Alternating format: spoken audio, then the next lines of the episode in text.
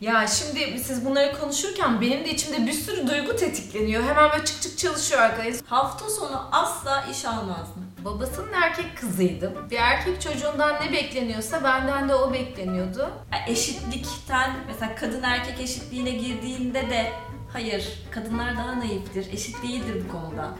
Ama duygularımla ve dişi gözümle ne zaman bağlantı kurmaya başladım ve ben çok ağlamaya başladım. Arada ağlamak istiyorum ama hayır olmuyor. Bir çevir. Şöyle Sen çevir. Şöyle. Duygularınla hareket et. Tamam. Düşmanlık içinde. Yo, Söyleyeceğim. O ya, kadar. Asla böyle bir insan olmadım bacım. ah bacım.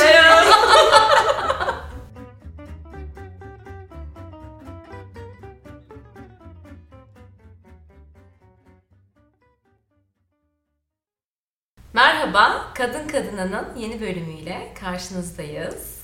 Yanımda iki tane güzel, akıllı ve başarılı kadın var. Ve ilk sorumu sorarak kendileriyle de tanıştıracağım sizi. İlk soruma hazır mısınız? Hazırız. Sen kimsin? 13 yıllık editörüm. Basın danışmanlığı yapıyorum bu dönemde. Bununla birlikte dijital menajerlik yapıyorum. Aynı zamanda da moderasyon yapıyorum. Merhaba, e, ben Gül Çukur.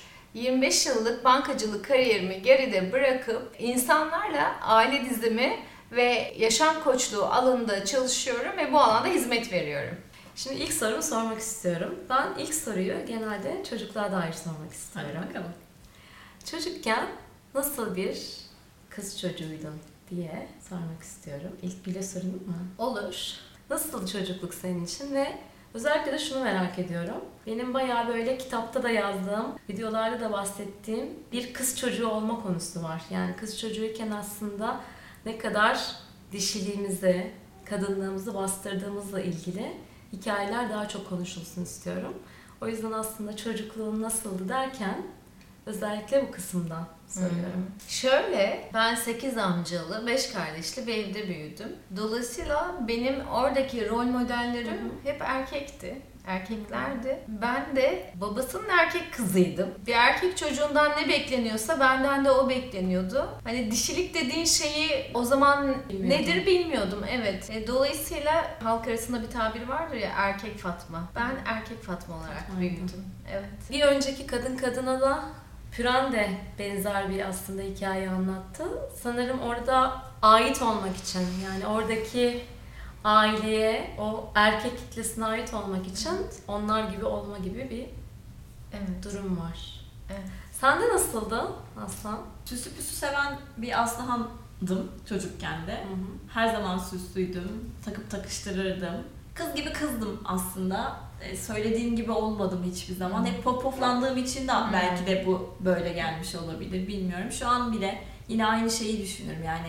e, Eşitlikten mesela kadın erkek eşitliğine girdiğinde de hayır kadınlar daha naiftir, eşit değildir bu konuda diye düşünürüm. Çocukluğumdan gelme bir düşüncedir bu. Anladım. Şimdi naiflik kelimesi tabii hepimizde çok çok farklı çağrışımları var. Hatta benim bazı kullandığım kelimeler yani kadınlar mı naif olmak zorunda falan diye. Ben seviyorum bu yorumlarda. Hoşuma gidiyor. Senin e, sevdiğini duydum. Oradan şuna girmek istiyorum. Naiflik senin için mesela olumlu anlamları olan Evet. bir kelime. Kesinlikle. Bazılarımız için o kadar da olumlu anlamları olan bir kelime de değil. Hangi kelime seni ne kadar rahatsız ediyor'a bakarak orada aslında bir kendine yolculuğa da çıkabilirsin. Hani bu naiflik ve dişilik sana nasıl geliyor? Naif diye. olmak beni daha dişi yapıyor bence. Ben o tarafını alıyorum işin. Daha kırılgan olmak daha dişi yapıyor. Evet. Ben öyle hissediyorum. Kadın gibi hissediyorum o. Peki şunu sorayım. Çocukluğunda daha güçlü görünmeliyim. O kadar da bu kırılganlığımı göstermemeliyim şeklinde hiç acaba sana aileden ya da belki ilkokul öğretmeninden ya da belki iş hayatından Hayır aslında güçlüyüm ama iki, ikisi ayrı bir tarafta. İkisi ayrı bir yönde olduğu için bu taraftaki güçlü yönüm çok sağlam bir şekilde ayakta durabiliyor. Bu taraftaki de naif yönüm yine aynı naiflikte yoluna devam ediyor. İkisi birbiriyle güzel bir şekilde aslında özdeşleşiyor. çatışmıyor diyorsun. Çatışmıyor kesinlikle. Ben aslında şunu soruyorum Aslan. Şimdi ben mesela çocukken ağlamamam gerektiğiyle ilgili bayağı bir mesajlar aldım. Hiç öyle mesajlar almadım. Ama ağlamayı da zaten seven biri değilim. Ağlayan bir yapım yok. Gözyaşlarımı binde bir dökebilen bir insanım. O tarafta da ne oluyor? Güçlü yanım devreye giriyor aslında. Hani naifim. Belki naiflik işte sürekli bir ağlama hali gibi gözüküyor da olabilir. Hayır. Filmlerde ağlıyor musun? Hayır hiç etkilenmiyorum. Çok kötü. Arada ağlamak istiyorum ama hayır olmuyor. Ağlamak isterim derken? O da rahatlatıcı bir duygu çünkü. Hı hı. Sonuçta mutlu olmak gibi bir duygu. Ağlama isteği geliyor ve tutuyor musun kendini? Tutuyorum. Ve gözyaşlarımı kimseye asla göstermem. Evet. Onu paylaşmayı sevmiyorum çünkü. evet. Öyle de bir durum var. İşte oralarda kırılganlığımızı göstermek de dişil öze yolculuk bitmeyen bir yolculuk. Belki orada sen işte kırılganlığını gösterme tarafında bir yol alacaksın belki. Belki de. Hı? Bilmiyorum. Sende bir şeyler canlandı biz Evet konuşurken. ben de bir şeyler canlandı ve derin nefes aldım. Çünkü ben de e, aslan gibi ağlayamayanlardandım. Tamam. Bu iyi bir şey değil aslında baktığında değil mi? Ee, sen ya de böyle düşünüyorsun. Şimdi iki tarafı da deneyimlemiş birisi olarak evet iyi bir şey değil demeyeceğim. Bana iyi geleni ancak söyleyebilirim. E, Ben de eskiden bir şey olduğunda bir olay karşısında tamam şimdi düştün dizini e, kalk ayağa dizini silkele devam et falan diye böyle kendimi kandırarak kandırarak yaşardım.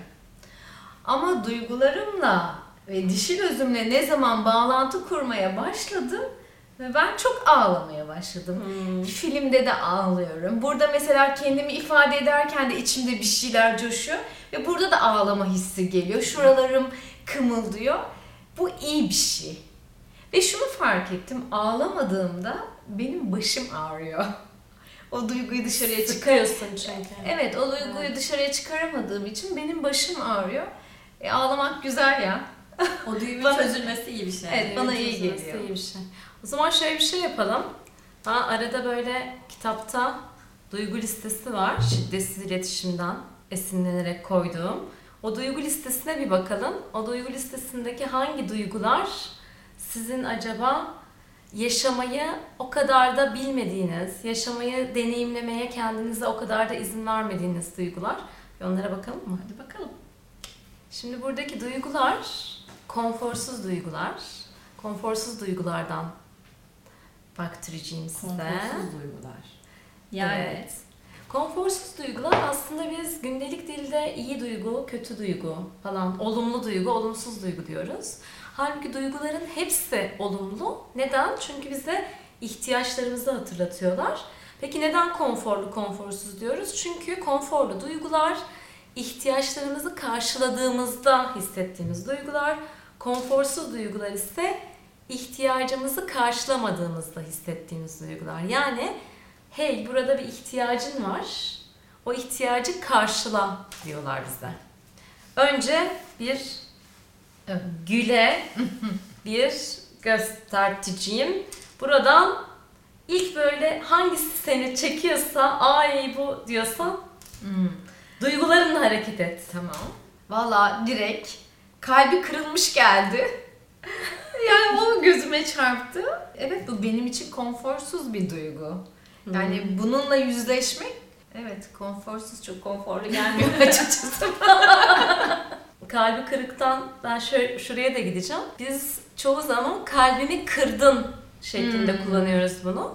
Kalbimi kırdın deyince orada bir aslında kendi duygunu hissetme, kendi duygunla bağlantıya geçme şeklinde bir durum çok da olmuyor. Daha çok karşıdakine suçlama cümlesi oluyor bu. Halbuki gerçekten benim şu anda kalbim kırıldı diyebildiğimde orada bayağı bir duygumla bağlantıyım. Hatta ellerim de hemen kalbime Evet. doğru şöyle gitti. Evet, böyle benim de söylememiz gerekiyor? Doğrusu bu mudur? Doğrusu İfa, öyle. doğru ifade şeklimiz. Doğru ifade evet bu şekilde. Neden? Çünkü o zaman ben kendimle ve kendi ihtiyacımla bağlantı içerisindeyim. Öbür türlü sen benim kalbimi kırdın dediğindeki oradaki Ruhsuz. suçlamanın kimseye bir faydası yok. Orada ihtiyaçlara değil, bayağı karşıdaki insanla olan yargılarıma odaklıyım. Yargılara ne kadar odaklıysam ihtiyaçlarımdan da o kadar uzaklaşıyorum maalesef. İhtiyaçlarla ilgili ve duygularla ilgili de bayağı bir video çektim ben. Şuralara bir yerlere onları koyarız. Hazır mısın? Hazırım çok merak ediyorum. Bakalım sende hangi duygu çok da böyle yaşamak istemediğin, kendinden uzaklaştırmak istediğin duygu? O zaman şöyle el değiştirsin kitap. Peki. Direkt gözüme çarpan duyguyu mu söyleyeyim? Evet gözüne çarpan şöyle seni irite eden böyle sana Direkt kitabı açtığımda gözümün önüne gelen kelimeyi söylüyorum hemen. Düşmanlık içinde. ay mi dedin? Evet. evet. Hiç, hiç düşmanlık içinde olmam birisiyle. O duyguyu evet. Yok. Kin, nefret, düşmanlık. Öyle duygular yoktur. Hmm. Biraz buralardaki perspektifimi paylaşayım mı? Tabii ki. Şimdi ben kitaba da yazdım. Benim bir nefretle tanışma hikayem var. Hmm. Hatta kitabın başına koydum onu. Şimdi nefreti o kadar böyle tanıdık olmayan, bilmediğim bir duyguydu ki benim için. Sonra bir koşluk seansı alırken ben orada bir baktım bir tane nefret yaşıyor içimde. Biz koşlukta böyle e, görsel olarak onu yaratma şeklinde çalışmalar da kullanıyoruz. Yani duyguyu görselleştiriyorsun, cisimleştiriyorsun ki onun mesajını daha iyi duyasın. Benimki böyle yeşil, sümüksü bir top şeklinde.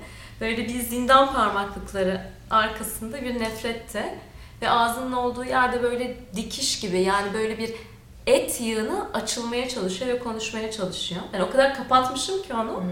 O böyle konuşamıyor. Ben onunla konuşmaya başladım ve aslında nefret duygusunun da başkasını suçlayıp o nefreti başkasına yöneltmediğinde, başkasına yansıtmadığında ne kadar kıymetli mesajları olduğunu o koşluk seansında gördüm. Ben henüz keşfedemedim. Evet, Henüz zor bir duygu. Evet, kin, nefret bunlar kendimize böyle yakıştırmadığımız duygular. Halbuki nefret hissetmek, nefret dolu bir insan olduğumuzu göstermiyor. Kesinlikle. O anki hissiyatımız nefret ki o da bana aslında bir sürü başka ihtiyacımı böyle kapıyı tıklatıp söylemek için oradaymış. Duyabildiğimde. Bastırmayalım yani onları. Bastırmayalım. Evet. Düşmanlık içinde mesela ne kadar enteresan bir duygu değil mi? Onun mesajı ne olabilir acaba? Bilmiyorum. Hiç. Valla benim de hiç fikrim Hiç. yok. Yeni Ya. seçeyim mi bir tane ikinci? İlk defa Daha duyması kolay bir şey seçildi. Anneannem şey derdi, e, yenilen pehlivan güreşine oynanmış derdi. Onun gibi olmadı bir daha olmadı. Ya olabilir bu mesela çok şey bir duygu ya. Bayağı uzaklaştırmışsan kendini. Daha duyması kolay bir duygu seçebilirsin. Seç bence. Ben direkt açtığımda gözüme çarpan hani olur ya böyle Evet. harfleri koyarlar. Burada ilk gördüğün kelime nedir misal? Evet, Onu evet. yaptım seçtim aslına bakarsan yani. Bakalım şimdi ne çıkacak. Hassas. Hassas. Hmm. Evet bu ba- baştan beri konuştuğumuz aslında hep. Hassas, evet hassas. Evet. Hassas yönümü seviyorum. Sende o kadar olumsuz çağrışımları Yok. yok. Hmm. Yani ben hassas en son mesela ne zaman hissettim diye Özel düşünüyorum. duyuyorsun mesela hassassan biri o konuda hassassam eğer bana özen duysun. Özen duyulmak hoşuma gidiyor. Öyle birleştiriyorum. Hı. O yüzden bende bir Kendi olumsuz- hassasiyetlerinden mi bahsediyorsun? Şimdi hassaslık derken bende şöyle bir şey çalıştı içimde. Ben de hep kendimi hassas olarak tanımlarım. Durumlara karşı ya da yaşadığım olaylara karşı kolay kırılgan ve kolay incinebiliyorum. Ama sanki senin bahsetmek istediğin şey bir başkasının sana O da hassas davranmalı. Evet. davranmalı Çünkü gibi. özveriyle hissettim. yaklaşıyorum. Buradaki hassaslık bir özveri, bir anlayış, bir ince dokunuş aslına bakarsan. Anladım. O yüzden ben bir hassaslıkla karşı tarafa yaklaşıyorsam karşı taraf da bana aynı hassaslıkta gelsin isterim. İnce düşünsün isterim. Anladım. Şimdi biz tabii duygu perspektifinden bakınca sen hassassın ben hassasım gibi değil de o anın içinde hissettiğin duygu olarak bakıyoruz. Anlatabildim mi bunu? Yani hangi an en son ne zaman hassas hissettin gibi bir yerden. Hı. En son ne zaman öfkeli hissettin? En son ne zaman nefret duygusunu içinde hissettin gibi bir perspektiften En son bakıyoruz. ne zaman öfkeli hissettim? İşten ayrıldığımda. İşten ayrıldın. Evet. Aslında aynı zamanda bir o kadar hassas hissettim. Bir o kadar öfkeli hissettim. İki En duygu son. beraber İki geldi. duyguyu birlikte yaşadım evet düşününce şimdi. En son hissettiğim En en, son zaman mı öfkeli hissettin ya? Gerçekten öyle. Gerçekten. Evet. Ben İyi bir şey mi kötü bir şey mi yaptım öyle bir gerçekten dedik. Ya öfke çok şey bir duygu. Yani bir gün içerisinde bile ben hissediyorum yani de. Çok iyi gidiyor bende hızlı gidiyor. Ben Sen de- en son ne zaman öfkeli hissettin? Ee, buraya gelirken yolda. Ama çok hızlı gidiyor bende. Hızlı tükeniyor. O yüzden belki aklımda kalmıyor. O dediğim Hmm. olay çok yoğun hissettiğim için evet. o duyguyu. Ben de En öfkelen- son yoğun hissettiğin o ana gittin Evet, sen. o ana gittim. Yoksa tabii ki öfkeleniyorsun o an geçiyor ama çok hızlı geçiyor bende. Kalıcı olmuyor. O yüzden aklımda değil. Kapattım Evet. bu arada bunu. Kapattım. Falımızda daha üçüncü bir duygu istemiyorum diyorsun. Bana yeterli bu kadar değil. Sizden de şöyle bir ricam var. Siz de konforsuz duygu listesine bir göz atın. Kitabın 134. sayfasında. Açtım hemen. Hemen Aslan hemen, hemen açtı. Ve Burada. siz de aslan gibi, gül gibi hangi duygularla olamıyorsunuz? Hangi duyguları tanımıyorsunuz? Hangi duyguları hissetmeye kendinize izin vermiyorsunuz? Bir onlara göz atın ve bize yorumlarda yazın. Şimdi size sormak istediğim konu şu. Bu hız içerisinde yani böyle işler, projeler, o iş bitsin, bu iş bitsin diye koşturmaca içerisinde bu dişiliğin içerisindeki yavaşlama, rahatlama, gevşeme gibi özellikleri bayağı bir ikinci plana atabiliyoruz. Sorum sizde durumlar nasıl? Hmm. Buyurunuz efendim. Düşük be. De durumlar nasıl bir bakayım mı dedim de. Ee, o zaman bu e, bombayı alayım ben. ya şöyle gülen aslında bende durumlar. Evet ben de fark ediyorum. Eril bir yerden yapmalıyım, etmeliyim, aksiyon almalıyım, bitirmeliyim, bıdı bıdı bıdı konuştuğumda o kadar çok yorgun hissediyorum ki kendimi. Ben nefesimi tuttum Evet. şu anda. Neden acaba? Sonra bakıyorum diyorum ki ya gene otomatik pilota geçmişsin. Ya bir dur, bir dur. Evet. Sonra diyorum ki sen ne zamandır hamama gitmedin kendime? Hamama gitmek. Evet. Ondan sonra aa işte 15 gün olmuş, bir ay olmuş. Ben hop bir hamam. Ya diyorum ki şuradayken bir de masaj mı patlatsam? Yumuş yumuş oradan çıkıyorum. Ondan sonra evime gelip bir bitki çayı yapıp ayaklarımı uzatmak, bir meditasyon müziği açmak e, bana çok iyi geliyor. Hı hı. Kendimi çok iyi hissediyorum. Dolayısıyla ara ara fark ettiğimde bu tür ritüellerim Var. var. Peki oluyor. şunu soracağım Gül sana. Şimdi bende mesela bayağı bilinçli farkındalıkla Hı hı. ben kendimi oraya getiriyorum. Yani bir miktar yorulmadan aslında hadi bunu da yapayımlar yok bende. Hı hı. Yani dengeyi sağlayabilmek için benim bayağı bir çaba harcamam Hı hı. gerekiyor. Kendiliğinden değil yani bende. Hı hı.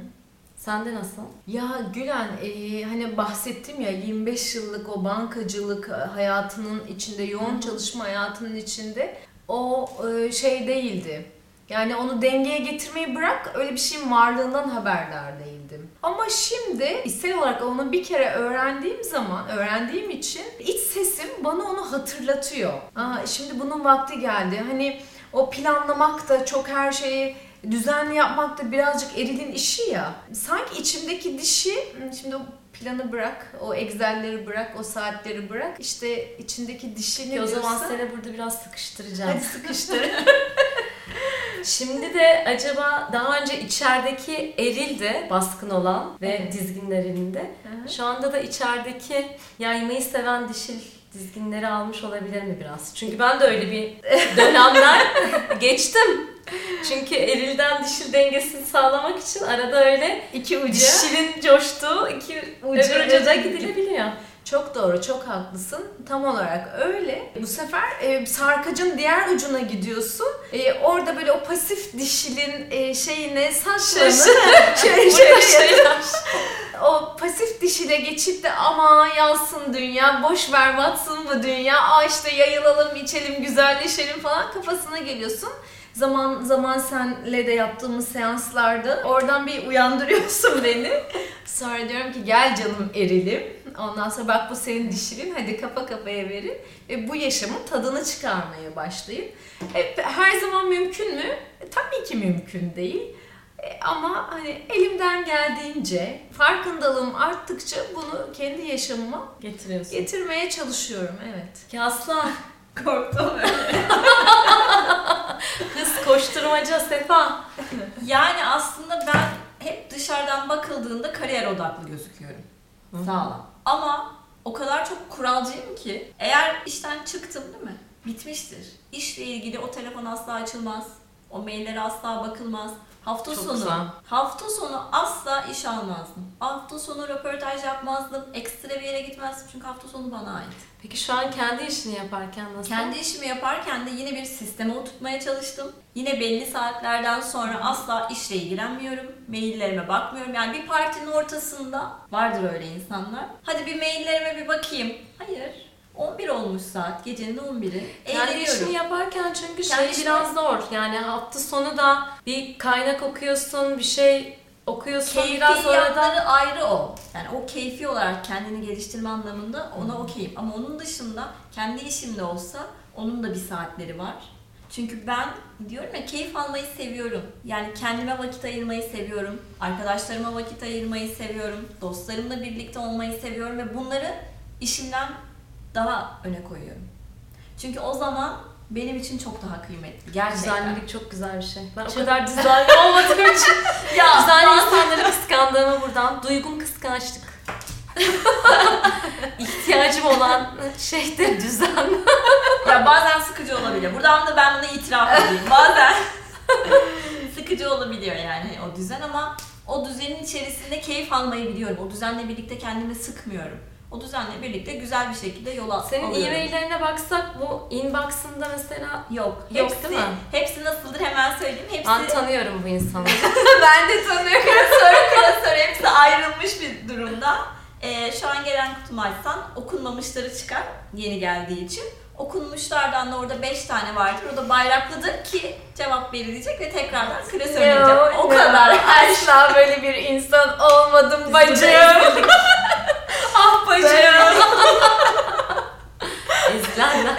Yok canım. Herkesin işte bir yapısı. ah sen gel onu bize sor. Şimdi ben Aslan'la gıcık olduğum için Eyvah. şeyce Zor soru mu gelecek böyle bana? şey zor. yerinden vuracağım. Eyvah. Korkuyorum. Peki bacım düzenlilik konusu iyi de teslimiyet konusu nasıl? Teslim olamıyorum işte o yüzden. O her şey bir sistematik kafada. Her şey kafada sistematik olunca tam olarak işte neden ağlayamıyorsun da aslında buna çıkıyor. Evet. Teslim olamıyorsun Teslim. ki ağlayabilesin yani. Başta konuştuğumuz mevzuya geri dönüyoruz. Ay derin bir hoca. Bundan mutlu muyum? Bazen her anlamda böyle kafadan tamam diyorum. Teslim ol, bir bırak diyorum. Ya bir alkol masasında oturduğun zaman bile orada da mı bir kontrolcü yapın hani olur. Hmm. Hayır aslında bunu istemiyorum ama bu o kadar çok yapışmış ki bana. İçeride. O içeride dediğin gibi. O masada illa bir kişi ayıktır ya. O, o kişi her zaman ben olmuşum ama o kafayı seviyorum mesela. O kafaya bürünüyorum ama bir yerde de yine Orada bir yine bir kontrol. kontrol evet. Hayatımda bir kere öyle kontrolü bıraktım. En yakın arkadaşlarımla bir aradaydım. Dedim ki ben bugün gerçekten hiçbir şey düşünmek istemiyorum. Bütün kontrolü bırakıyorum hayatımdaki ve size teslim ediyorum kendimi dedim. Ve gerçekten o günün sonunu hatırlamıyorum. Sağlam teslim oldum ve iyi geldi. Ama her zaman bunu yapmıyorum tabii. Şimdi ve güvendiğim insanlara bırakıyorum kendimi. Teslim oluyorum. Duygu anlamında, ifade etme anlamında, her anlamda aslında bakarsan. Şimdi Afrodit eğitimlerinde bir tane Benim gibi zor kadınlar. Ya zor kadın diye bir şey tabii ki yok bu arada. Hepimizin de dişilik yolculuğu çok farklı oluyor. Yani kimimiz için mesela kırmızı bir elbise giymek aslında bir sürü şeyi temsil ediyor. Kimimiz kırmızı elbiseleri giyiyoruz, kırmızı rujları sürüyoruz. Ama Hiçbir şey ifade etmiyor dişin o bir şey dişil Çünkü anlamda bir şey ifade etmiyor. Yani o yüzden her kadının kendi dişiliğini bastırma ya da yaşama biçimleri çok farklı. Bölüyorum. Bu yeni dönemle birlikte mesela Nisan ayından sonra Nisan 2019 itibariyle dişil özelliğimin birazcık daha ön plana çıktığını gördüm. Evet. Çünkü değişmek istiyorum dedim ve onunla birlikte hayatımda o kadar çok şey değişti ki işim değişti, e, upuzun saçlarım kızıl bir anda değişip kısa sarı saç oldum. Kırmızı ruj hiç sürmezdim. Bir anda kırmızı ruj sürer oldum. E, mini mini şortlar giymeyen bir insandım. E, işte zayıfladım, kilo verdim. Bir 6-7 kilo kadar verdim diyetisyenle birlikte. Bedenimi daha çok sevdim, daha çok sevince belki de o dişil özelliğim birazcık daha ön plana Şimdi çıktı. peki dişiliğinde bir sonraki şeye hazır mısın? Bu Afrodit eğitimlerindeki alıştırmayı söyleyeyim sana? Söyle bakalım. Hazır mıyım bilmiyorum. Korkarak böyle çekinerek. İkinci seviye ya da üçüncü seviyede tam hatırlamıyorum. İlk seviyede değil. Şöyle bir alıştırma var. Bütün hafta sonunu ya sevgilin varsa sevgilin ya da yakın bir arkadaşına diyorsun ki ben sana teslimim. Hmm. bütün programını ona bırakıyorsun. Bütün programını ona bırakırken bu şu demek. Yani peki ne yapacağız? Siz de sormuyorsun tabii İşte ki. o imkansız. Çok Bu imkansız. teslimiyet. Teslimiyetin içinde yine bir kontrol oluyor. Sormak da yasak. Nasıl? Bu sana iyi gelir mi bir sonraki adım? Bence iyi gelebilir. Çünkü aslında istediğim, bunu da istiyorum çünkü. Hı hı. Ama yapamıyorum. Deneyeceğim. Bir hafta sonu. Bir hafta sonu hiç soru şey- sual olmadan bir teslim et. Çünkü o arkadaşlarıma kendimi teslim ettiğim Peki kime teslim edeceksin? Buradan onu da ilan et. Buradan Hmm. hadi bakalım. Big challenge. Şimdi itiraf etmeyelim onu buradan o kendini biliyor değil. Olayı geçiştireyim. Bilmiyorum. Gerçekten bilmiyorum. Vardır aklında birisi ya. Herhalde Şu an şey yapmak istemedi. Evet bilemedim yani itiraf etmek istemedim ya da kız arkadaşlarım yine o çok yakın arkadaşlarımdan bir tanesine teslim ederim. Bir hafta sonucuk. Evet bir hafta sonu. iki gün bir de. Sen burada bu da geriliyor. evet ki Gül'e de, Gül'e de geliyor bu alıştırma. Geliyor. Bu taraftan kolay Ahkam- bakmak kolaydı. Ahkam kesmek kolay her zaman. Evet. Ya şimdi siz bunları konuşurken benim de içimde bir sürü duygu tetikleniyor. Hemen böyle çık çık çalışıyor arka. En son ne zaman yapmışım falan filan. Ya en son biz evlilik yıl dönümünde eşim bir şeyler ayarlamış. Ben şey oldum tabii bilmek istiyorum yani. Bilmek istiyorum. Nerede ne yapmış bilmek O istiyorum. sürpriz değil ama. Onu şöyle anlat. Evet. Ve ne hediye aldığını çok merak ediyorum. Yok sonunda hiçbir şey almadım hiçbir şey yapmadım yoksa. Yok. Yaptı. Yapan ve alan birisi. Yani hani ben Yapacağını biliyor da ne yapacağını da bilmek galiba. istiyorum. Yani tabii o kadar kontrolcülükten e, sonra öyle çok iyi anlıyorum. Hani teslim olma hikayesi o mekanizma içeride sürekli çalışıyor. Dolayısıyla şeydi ben e, ya bir şey yapmadıysa ya almadıysa nereye gideceğiz şimdi falan. Gül böyle şu an Evet el, avuçlarımı şöyle tırmıklıyorum. O zaman nasıl tırmıklıyordu hiç düşünmüyorum Evet bir yani. de bitmiş hali yani. Bitmiş yani. Halbuki yani karşıdaki adam da şey değil hani Gülen de biliyor. Bunu yapmayacak birisi de değil. Ama e, içimde öyle bir sabotajcı ve kontrolcü var ki. Şey yapıyorum yani ya olmadıysa Neyse tabii ki her şey çok güzeldi. Her şey çok güzel geçti. Hediyem de alınmıştı. Ne zaman kime teslim olacaksın sen de? ne zaman kime teslim olacağım? Ne zaman kime? Ya şöyle... E, Eş derse burada Vallahi... Evrim seninle anlaştığımız konu hallettim. Aa. Aa. Eşli anlaşmalar yapılmış. Aşağı hala aşağıda yine içerideki şey başlıyor. Ya aslında e, ben neye teslim olacağım biliyor musunuz? Şimdi benim, bilmiyorum bu videoyu izler mi? E, 22 yaşında bir oğlum var. Ve ben onun hayatını hala kontrol etmeye çalışıyorum. Ve geçenlerde bir yazışma geçti aramızda. Benim o mükemmel anneciliğim, annecilik oyunum suya düştü. Burada ben, ben bölüyorum. Bir anne bebek yıllardır anne bebek editörü olarak ve deneyimlerim olarak, gözlemim olarak mükemmel değil. Yeterince iyi. Okey. Yeterince iyi olduğunuz zaman aslında tam uzaktan şu an konuşması belki kolay ama her şey için bu böyle değil mi? de Mükemmel değil. Yeterince iyi. Kendi içindeki yeter kadar, Evet. yeteri kadar iyi. O kadar aslında. Evet. Mükemmel olunca Sonuç Yok işte. Sonra şu kadar bir mesaj alıyorsun. Sen de falan annemisin diye.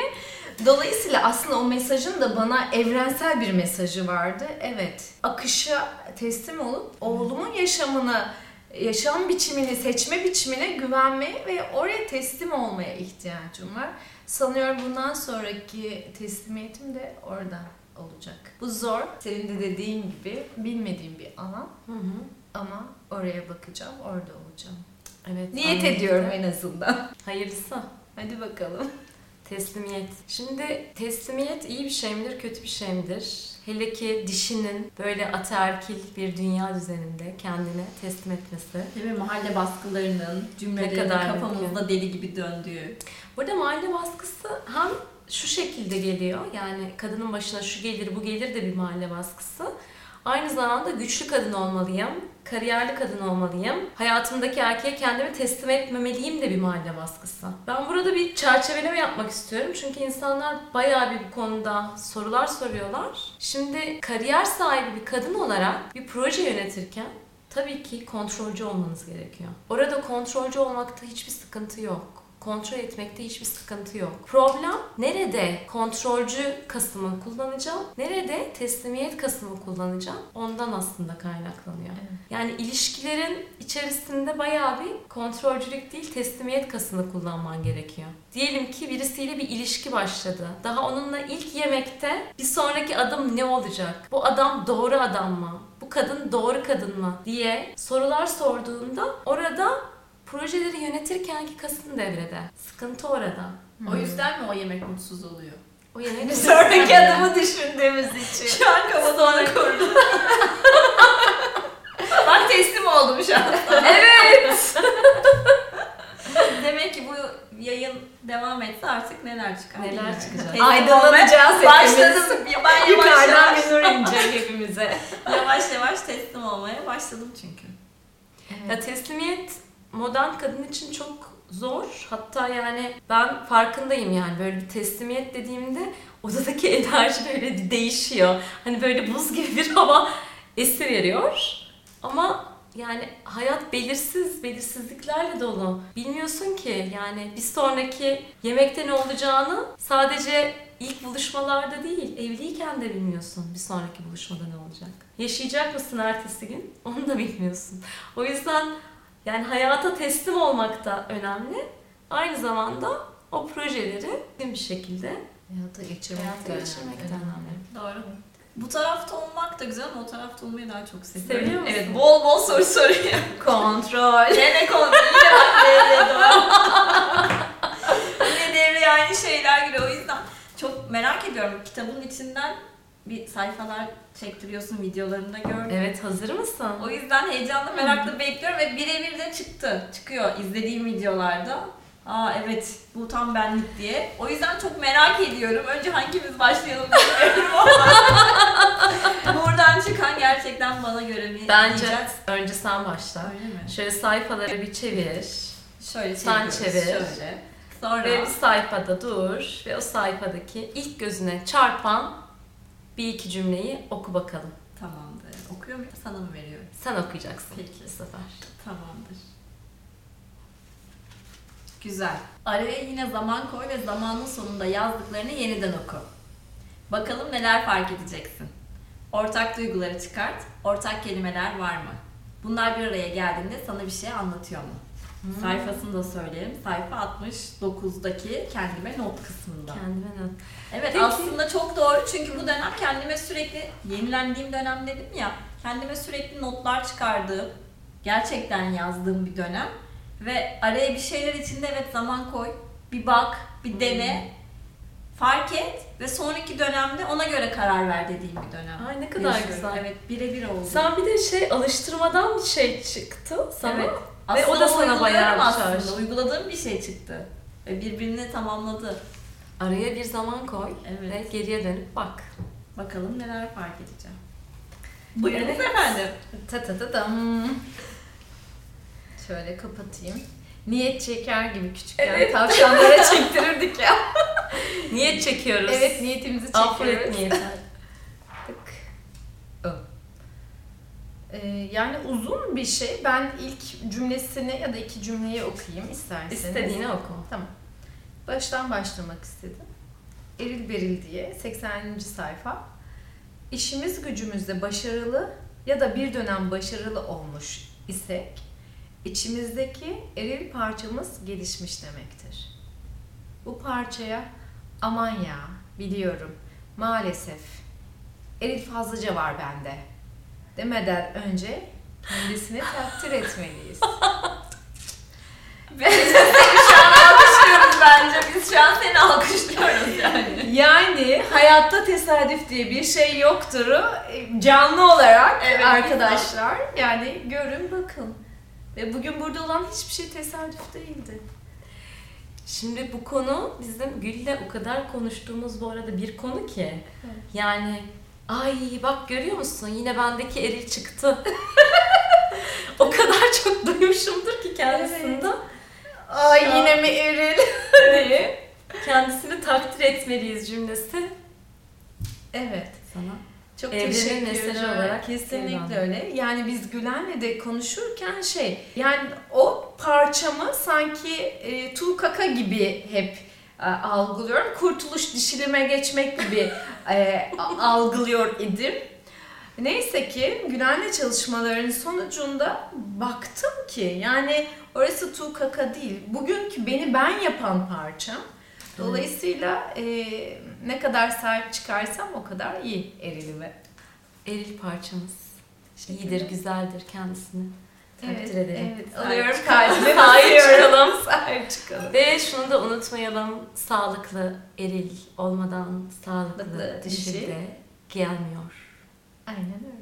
Niyetimizi de çektik. Evet. Muhabbet çok tatlıydı ama bitiriyorum bu kadın kadına programını. Oysa ki neler gelecek daha. Daha Daha yeni yeni açıldık değil mi? O zaman ikinci e, programda daha da Memnuniyet. Peki. Açılıcıyız diyelim. mi? Peki Öyle efendim. kapatalım. diyelim. Kapatalım. Çok teşekkürler geldiğiniz için. Teşekkür Kendinizi açtığınız, paylaştığınız için. Ben teşekkür ederim.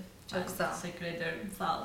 Kadın Kadına'nın dördüncü bölümünü böylece bitirmiş bulunuyoruz. Siz de bu videoyu seyrettiğinizde içinizde neler canlandı, kadın olarak ya da erkek olarak yorumlarda yazarsanız çok çok çok mutlu oluruz. Bu videoyu beğendiyseniz beğen butonuna basmayı da lütfen ihmal etmeyin. Çok sevgiler.